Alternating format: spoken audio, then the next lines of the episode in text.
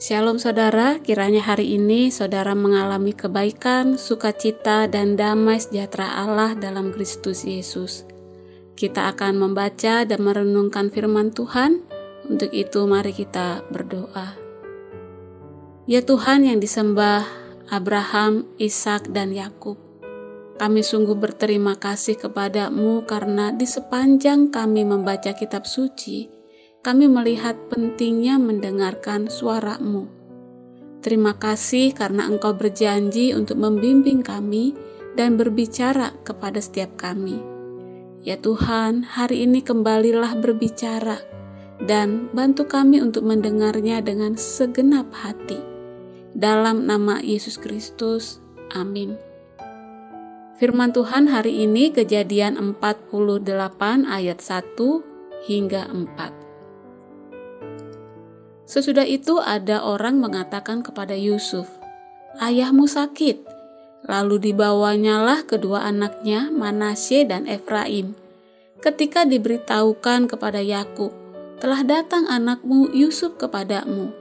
Maka Israel mengumpulkan segenap kekuatannya dan duduklah ia di tempat tidurnya.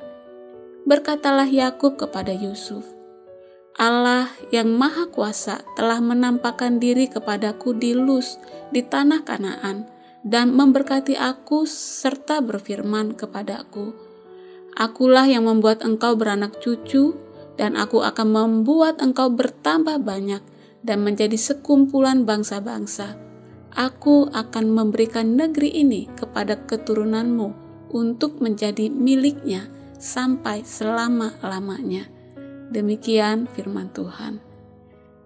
Dengarkan Tuhan melalui hidupmu. Ketika Yakub sampai kepada detik akhir hidupnya dan melihat kembali semua berkat Tuhan, dia beribadah sambil bersandar pada tongkatnya. Dia mengakui bahwa Tuhanlah yang telah menuntunnya di sepanjang hidupnya. Ini adalah gambaran orang yang menjalani kehidupan dengan menjalin hubungan dekat dengan Tuhan, mendengarkan Dia dan kebijaksanaannya. Dia ingat bagaimana Tuhan berbicara kepadanya dan memberinya visi untuk hidupnya. Di ayat 15, dia mampu berkata, Tuhan telah menjadi gembalaku di sepanjang hidupku. Yakub juga mengakui bahwa Allah telah membimbing anaknya, Yusuf, dengan cara yang luar biasa. Karena Yusuf telah belajar untuk mendengarkan Tuhan, dia mampu menafsirkan mimpi Firaun dan sebagai hasilnya dia melihat berkat besar. Dia tidak hanya menyelamatkan nyawa umat Allah, dia juga menyelamatkan kehidupan seluruh Mesir.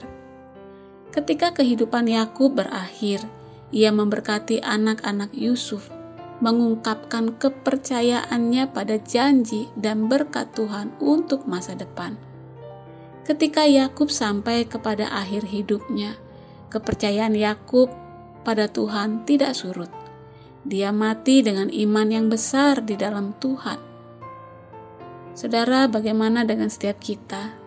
Adakah kita masih peka dan bisa merasakan kehadiran kesetiaan Allah menyertai dan memberkati langkah hidup kita, meskipun kita diizinkan berada di lembah kekelaman yang saat ini saudara alami. Marilah kita tetap setia dalam ibadah dan dengarkan Tuhan di sepanjang hidup kita. Percayalah kepada Tuhan yang memimpin dan membimbing saudara, bahkan sampai kepada keturunanmu selanjutnya, bahwa mereka pun akan mendengarkan suara gembala seperti dikatakan Yohanes 10 ayat 3 sampai 4. Untuk dia penjaga membuka pintu dan domba-domba mendengarkan suaranya dan ia memanggil domba-dombanya masing-masing menurut namanya dan menuntunnya keluar. Jika semua dombanya telah dibawanya keluar, ia berjalan di depan mereka, dan domba-domba itu mengikuti dia, karena mereka mengenal suaranya. Kiranya Tuhan memberkati saudara, harapan saudara, dan masa depan saudara beserta keluargamu. Amin.